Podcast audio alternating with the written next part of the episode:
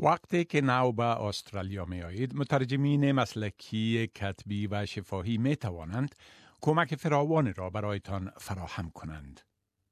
آنها می توانند کارهای گوناگون را از ترجمه اسناد رسمی گرفته تا رفتن نزد دکتر با شما انجام بدهند که شما بتوانید مسائل را به زبان خودتان به خوبی درک کنید و بدانید. شما ممکن برای حصول این خدمات قبلا پول پرداخته باشید.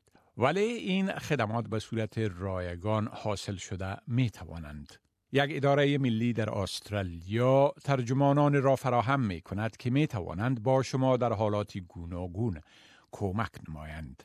این اداره به نام Translating in Interpreting Service یا خدمت ترجمانی کتبی و شفاهی نام دارد.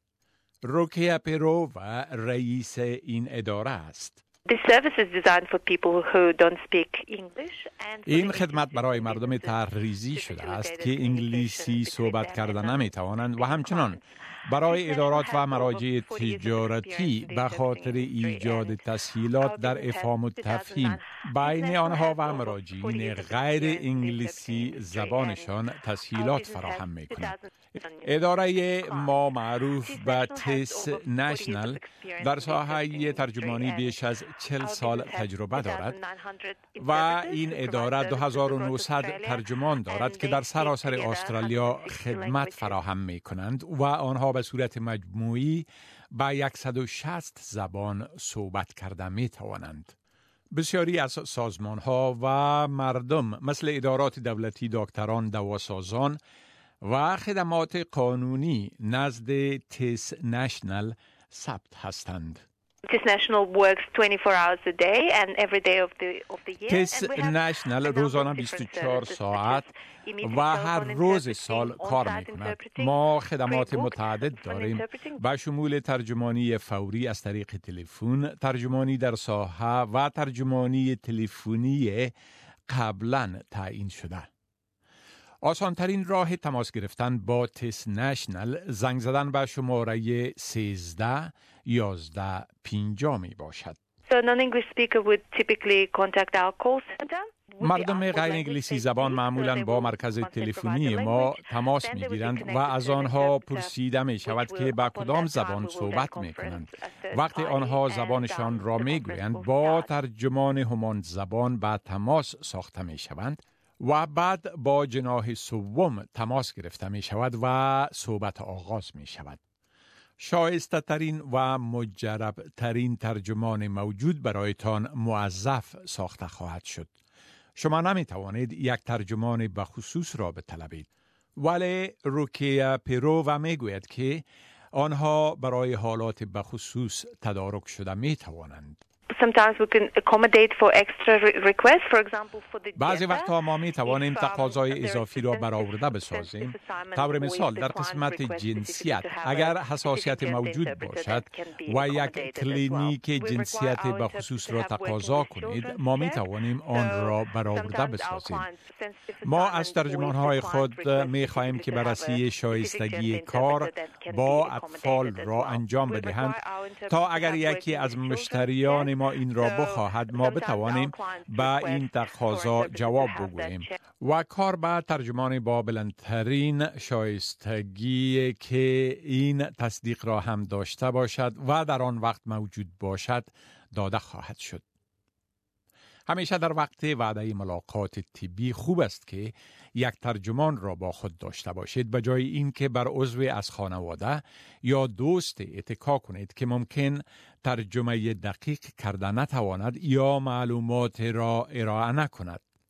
در وقت استفاده از ترجمان آهسته صحبت کنید و اگر درباره کدام مسئله مشکل داشته باشید آن را برایشان بگویید.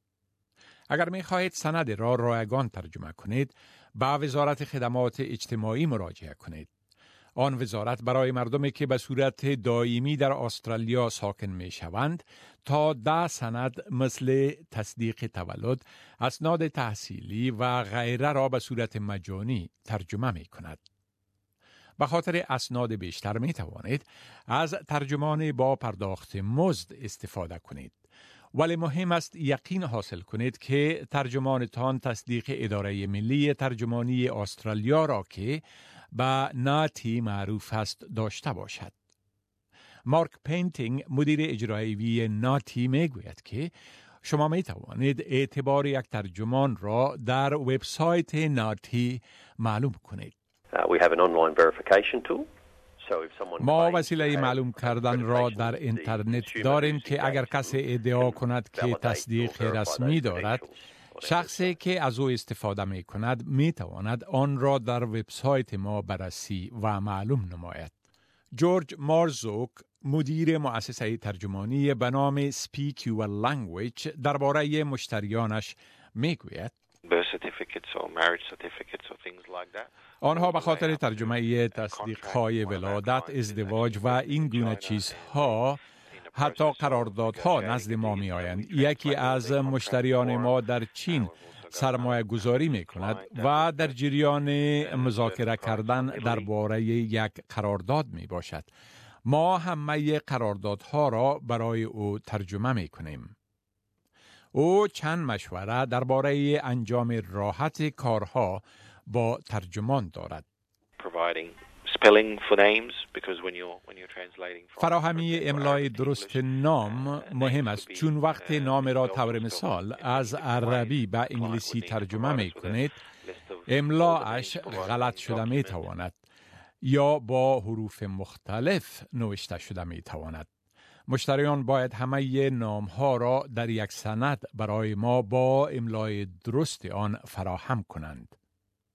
او همچنان پیشنهاد می کند که شما باید به خصوص در ارتباط به اسناد تکنیکی هر قدر معلوماتی که امکان داشته باشد فراهم کنید.